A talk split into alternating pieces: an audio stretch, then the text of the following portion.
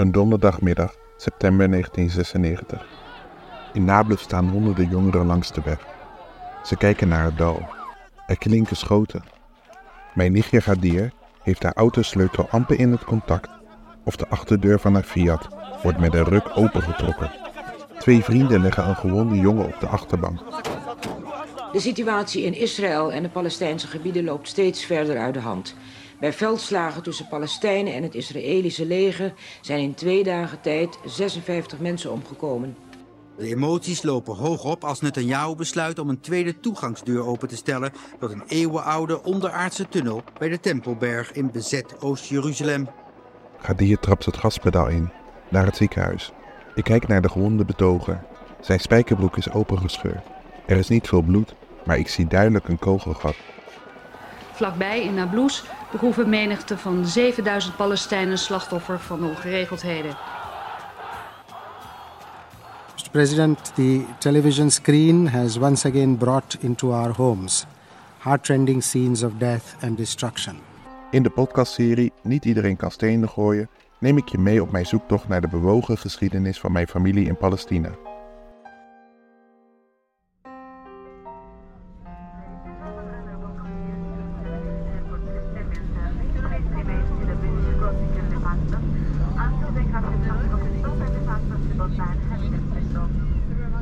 1996.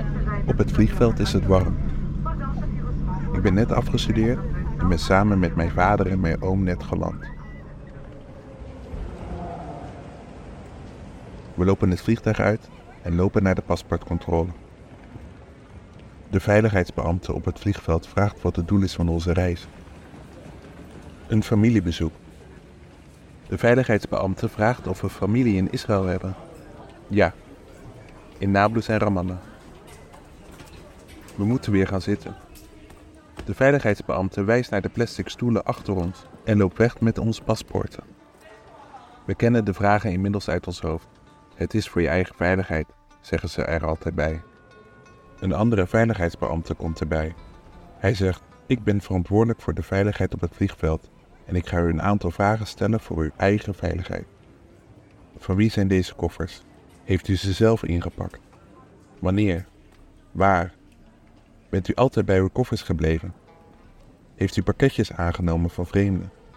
Heeft u cadeautjes meegenomen? Heeft u gezien hoe die zijn ingepakt? Werkt u? Waar? Hoe lang? Heeft u belangrijke verantwoordelijkheden? Heeft u nog een ander paspoort? Waar woont u? Met wie? Zijn dit uw koffers? Heeft u pakjes aangenomen van vreemden? Het is voor uw eigen veiligheid. Wat komt u hier doen? Hoe lang bent u van plan te blijven? Gaat u alleen naar uw familie? Gaat u ook nog ergens anders heen? Waar heeft u uw ticket gekocht? Wanneer? Waarom zo kort voor vertrek? Komt iemand u ophalen? Hoe gaat u naar uw plaats van bestemming? Elke keer als je denkt dat dit irritant is, worden excuses gemaakt en gezegd dat het voor je eigen veiligheid is. Op het Israëlische vliegveld Ben Gurion worden Palestijnen, Arabieren, personen met Arabische namen, personen met een Arabisch uiterlijk en personen die op enige wijze verbonden zijn met Arabieren onderworpen aan een speciaal onderzoek. Veiligheidsonderzoek is routine, zeker voor ons. Zodra ik mijn paspoort afgeef en de voornaam van mijn vader moet uitspreken, mag ik al plaatsnemen op een plastic stoeltje. Je paspoort wordt afgenomen en je weet nooit hoeveel uren het gaat duren voordat je buiten staat. Na de ondervraging de controle van elk item in onze koffers en wij alle drie apart zijn ondervraagd en gefouilleerd, zegt het welkomstcomité dat we kunnen gaan.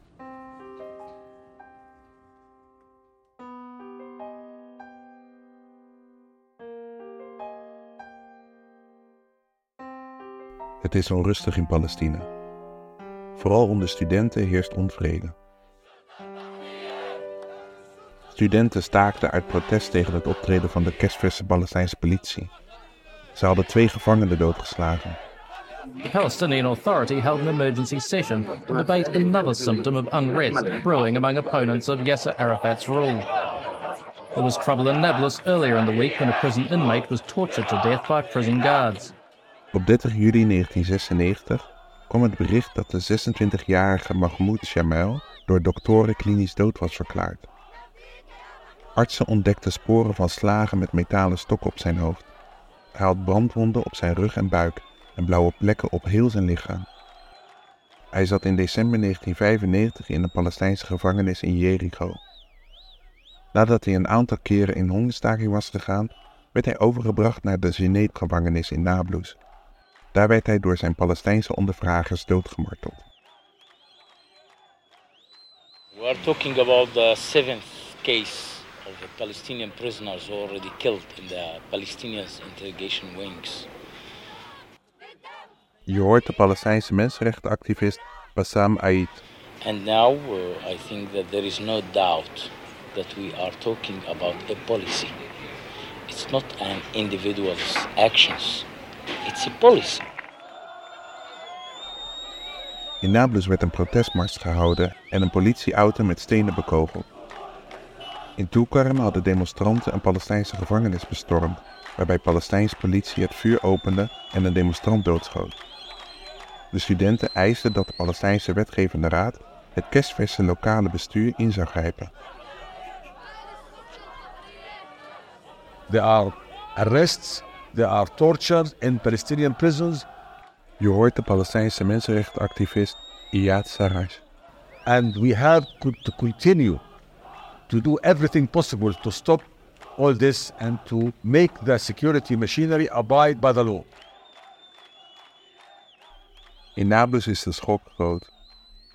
Men had niet verwacht dat de Palestijnse autoriteit zich zo snel tegen de eigen bevolking zou keren. Mijn nichtje Gadir studeert aan de Najaf Universiteit in Nablus en vertelde me hoe Arafat's troepen schietend in de lucht de universiteit hadden bestormd en studenten met knuppels hadden bewerkt. Later had Arafat gezegd dat er mogelijk een vergissing was begaan.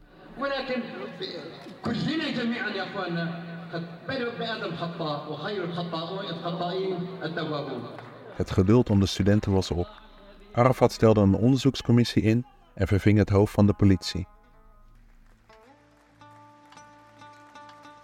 Hoe heeft dit zover kunnen komen? Daarvoor moeten we terug naar de nadagen van de eerste intifada eind jaren 80, begin jaren 90. Op een avond vertelde mijn oom Bassam dat de Palestijnse autoriteit niet meer was dan het alternatieve leiderschap waarvoor de burgemeesters eind jaren 70 hadden gewaarschuwd. Hij zei dat Israël altijd op zoek is geweest naar een partner die precies zou doen wat het wilde. Eind jaren 70 en begin jaren 80, toen de gekozen burgemeesters zeer populair waren, probeerde Israël via hun steun aan dorpsliga's een wicht te drijven. Recent moves by the Israeli Defense Minister Ariel Sharon to liberalize occupation policies in the territories have met with suspicion and are considered propaganda to make autonomy more acceptable. Zo richtte met behulp van Israël Mustafa Doudin een dorpsliga op, een gewapende militie, en breidde met hulp van Israël zijn macht uit naar andere dorpen op het platteland. In ruil kregen deze dorpsliga's zeggenschap over een aantal zaken, maar de overgrote meerderheid van de Palestijnse bevolking zag deze dorpsliga's als een corrupte bende. To Palestinians, the autonomy scheme is simply an extension of the hated Israeli occupation. They say it offers autonomy to the inhabitants, but leaves sovereignty over the land in question.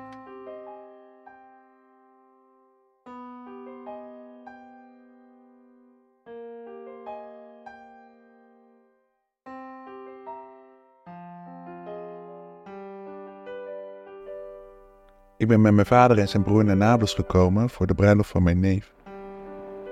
Drie dagen na de bruiloft keer ze terug naar Nederland. Ik besluit te blijven. Met mijn nichtje Gadir ga ik op zoek naar een stageplek.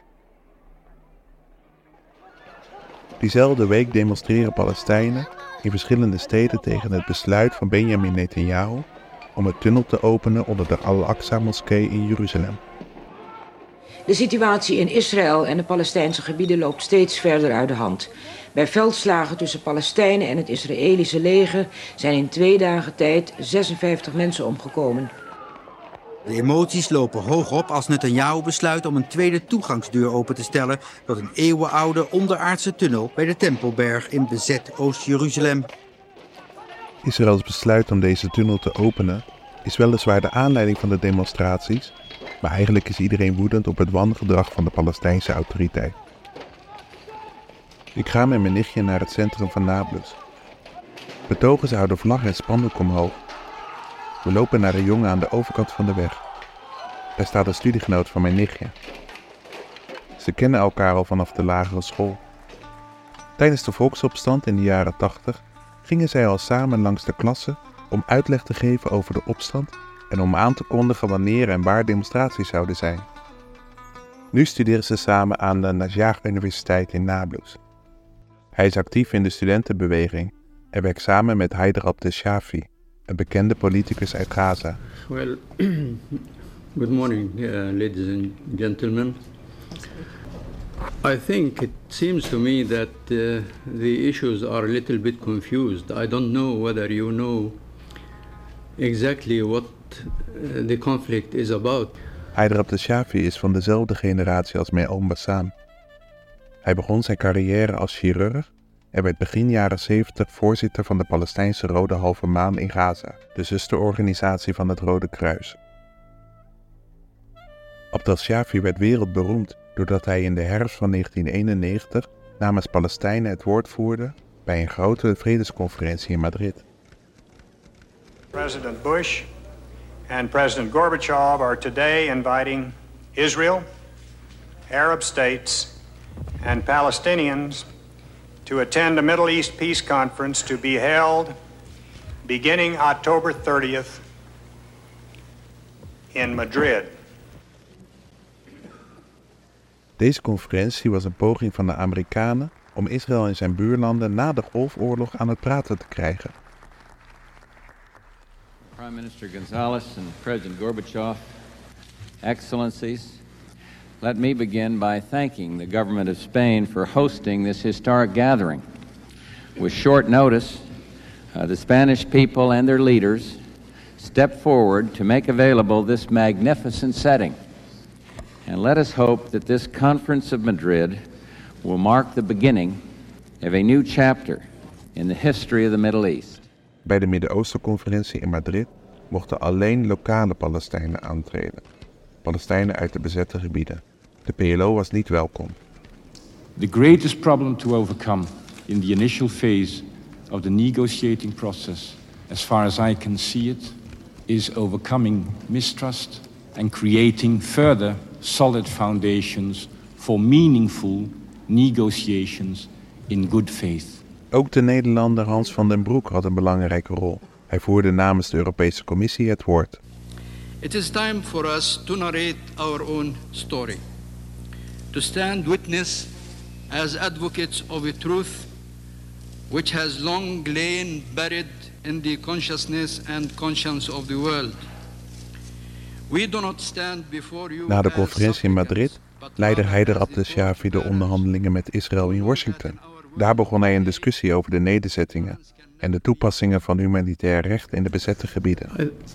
I, think it's uh, maybe it's rather obvious that the most important issue is the issue of the territory.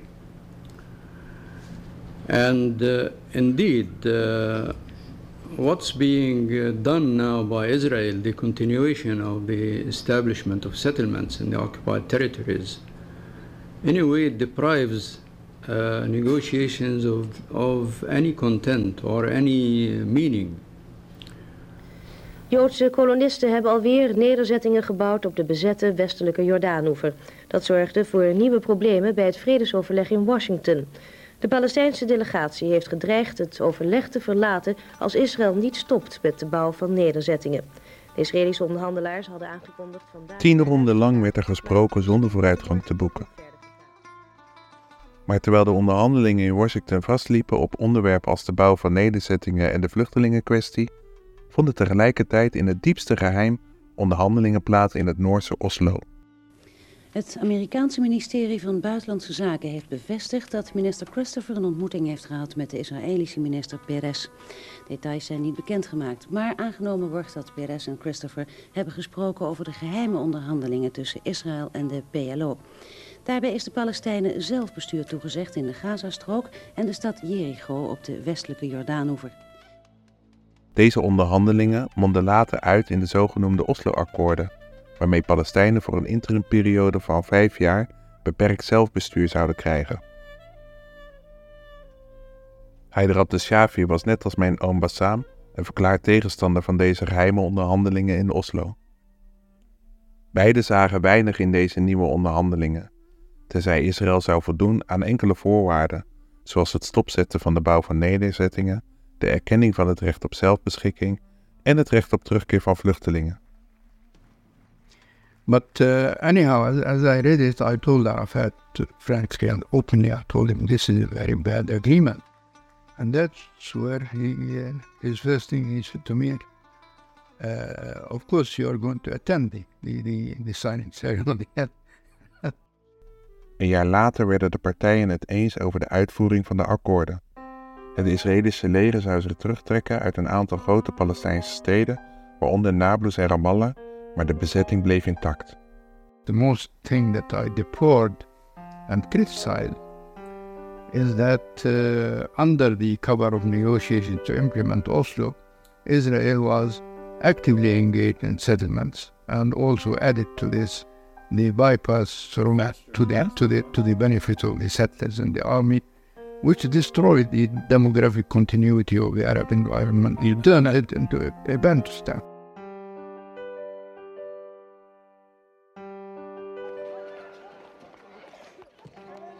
In de oude binnenstad van Jeruzalem raken Palestijnse demonstranten slaags met de Israëlische politie.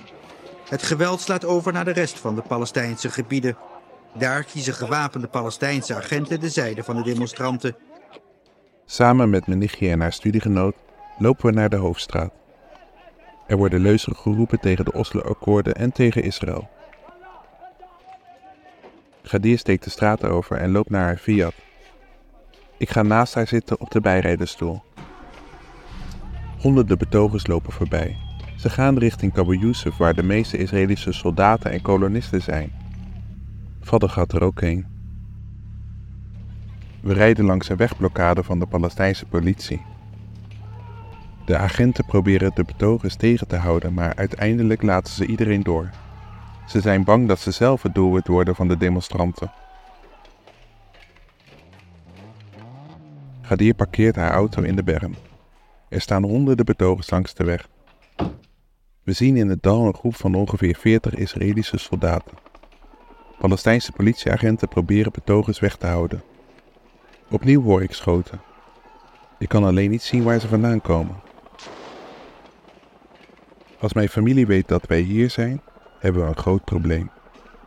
Mijn nichtje vindt het spannend. We lopen weer terug naar de auto. Mijn nichtje Gadir heeft haar autosleutel amper in het contact of de achterdeur van haar Fiat wordt met een ruk opengetrokken. Twee vrienden leggen een gewonde jongen op de achterbank. Gadir trapt het gaspedaal in, naar het ziekenhuis. Ik kijk naar de gewonde betoger. Zijn spijkerbroek is opengescheurd. Er is niet veel bloed, maar ik zie duidelijk een kogelgat. Mijn nichtje vraagt zich hardop af waarom we zo nodig moesten gaan kijken. Ze weet dat we niets anders kunnen doen dan snel naar het ziekenhuis rijden.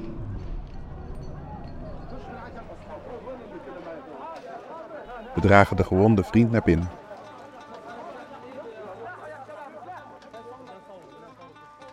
Een uur later zijn we terug bij het huis van mijn familie. In de woonkamer staat de tv aan. So far, uh, in the conflict, which was sparked by the opening of an archaeological tunnel, at least 41 Palestinians have been killed and 13 Israeli soldiers are dead. It is estimated that as many as 1,000 people have been hurt in the fighting. We zeggen niets over wat er net is gebeurd. De telefoon gaat. Mijn oom neemt op en zegt vrolijk dat het Gadir studiegenoot is. Mijn nichtje neemt de telefoon aan, praat zachtjes en wordt vuurrood. Geschrokken kijkt ze naar de televisie. Vader had ons op de lokale tv gezien. Hij had ons weg zien rijden met de gewonde jongen. Mr. President, the television screen has once again brought into our homes heartrending scenes of death and destruction. We thought that such scenes from the West Bank and Gaza and Jerusalem had been firmly put behind us. Vlakbij in Nablus begroeven menigte van 7000 Palestijnen slachtoffer van de ongeregeldheden.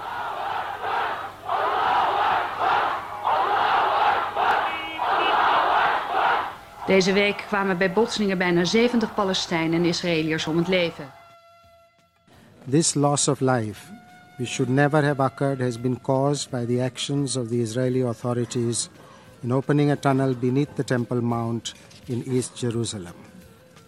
The avoidable loss of innocent lives and the large scale injuries following the violent clashes have horrified us.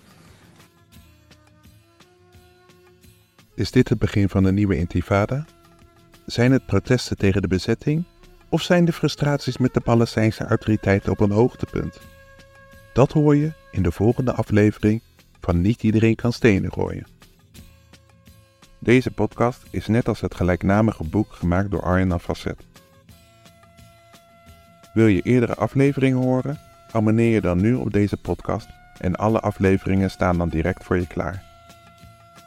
Wil je meer weten over mijn Palestijnse zoektocht? Kijk dan in de show notes of op de website nietiedereenkanstenengooien.nl